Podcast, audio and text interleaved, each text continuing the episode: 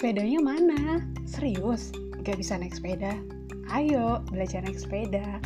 Naik bis terus kan? Mahal.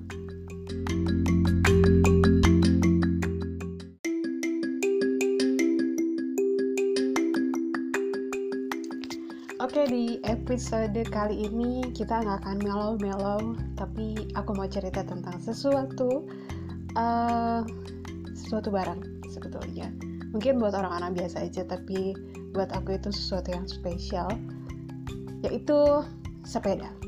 S E P E D A. Ya sepeda. Kalau kata Queen itu bicycle. Oke, kenapa aku mau cerita tentang sepeda? Ya, seperti yang tadi aku sebutin, barang ini menjadi cukup berkesan dalam hidup aku gitu. Kenapa? Karena dari sepeda aku belajar banyak banget hal. Dan semua ini kesimpulannya muncul ketika aku bersepeda dari Onomichi ke Shimanami Kaido.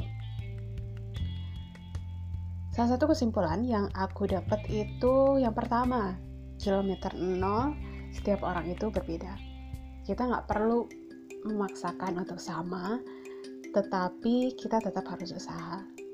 Itu salah satu poinnya. Nah, uh, oke, okay. Kalau gitu kita coba ceritain gimana sih proses aku bisa bersepeda dari Onomichi sampai ke Shimanami Kaido.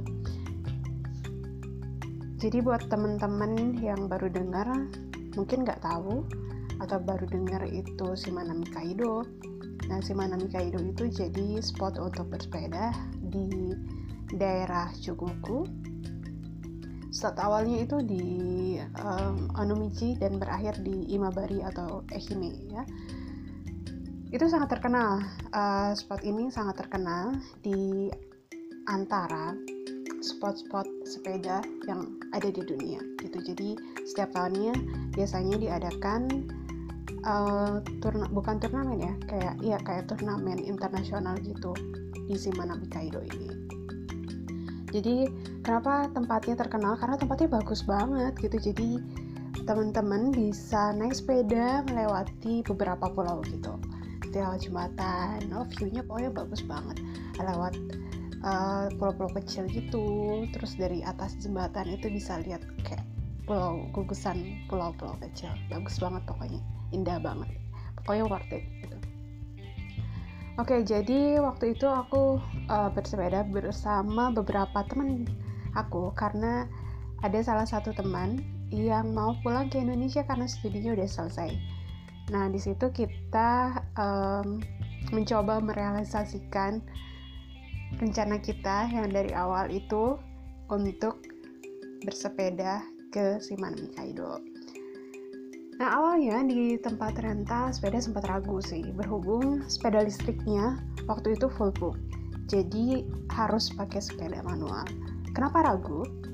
Ya karena tahu diri sih, mengingat track record dan kemampuan goesnya itu cuma ada di level Alhamdulillah goes. Jadi sebagai info ya, sebenarnya ini malu-maluin sih, tapi uh, seperti ada di trailer aku bisa lancar naik sepeda itu pas aku di Jepang. Jadi aku sering banget ditanyain gitu sepedanya mana? Gitu.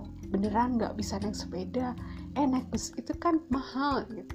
Aku sering banget banyak orang yang bilang kayak gitu ke aku. Coba nih bayangin ya jadi di Saijo aku tinggal di kota Saijo di Hiroshima dari presentasi 100% aja 70% kalau lewat jembatan merah Cizuru yang tinggal di daerah situ pasti tahu. Itu pasti nyangkut ke ya. Kalau nggak nyangkut entahlah jatuh di mana terus ketiban sepeda sepeda pula. Berkali-kali tangan aku diperban dengan alasan ya jatuh dari sepeda gitu. Bahkan teman-teman yang sering main sama aku tuh pasti udah tahu sejak kapan berapa jauh skill berapa kali jatuh dan sesering apa aku naik sepeda. Nah terus ini Shimanami Kaido, treknya itu berpuluh-puluh kilometer. Jadi lewat jembatan buat nyebrang pulau-pulau kecil, belum treknya itu cukup naik turun sih. Gitu mungkin nggak terlalu um, landai tapi ada beberapa trek yang buat newbie kayak aku itu cukup cukup melelahkan nah di tempat rental sepeda aja udah kepentok kakinya. Terus mikir lagi masa harus naik bis dan balik lagi ke Saijo? Ini kan judulnya bersepeda gitu ya.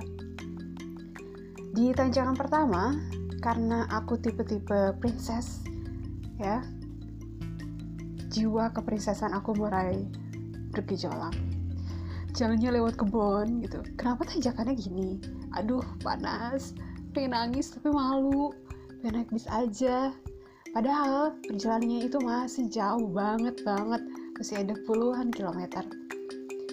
Tapi kalau berhenti di tanjakan, sepedanya bakal mundur. Terus malah bahaya. Terus repotin orang. Oke, saat itu aku mikir gak ada pilihan lain selain terus goes atau dituntut. Tapi tapi, alhamdulillah akhirnya setelah goes terus lewat tanjakan, lewat jembatan, nyampe juga di Seto Daport. Masih ada sekitar 40 km lagi sih sebenarnya kalau mau sampai Imabari. Jadi hari itu total uh, kita kurang lebih bersepeda sekitar 35 km. Nah, dari cerita itu aku bisa uh, menyimpulkan selain poin yang pertama tadi kilometer setiap uh, orang itu berbeda menurut aku dalam memaknai setiap perjalanan itu nggak perlu sama gitu. Semuanya itu akan merasakan melewati menyelesaikan setiap tahapannya.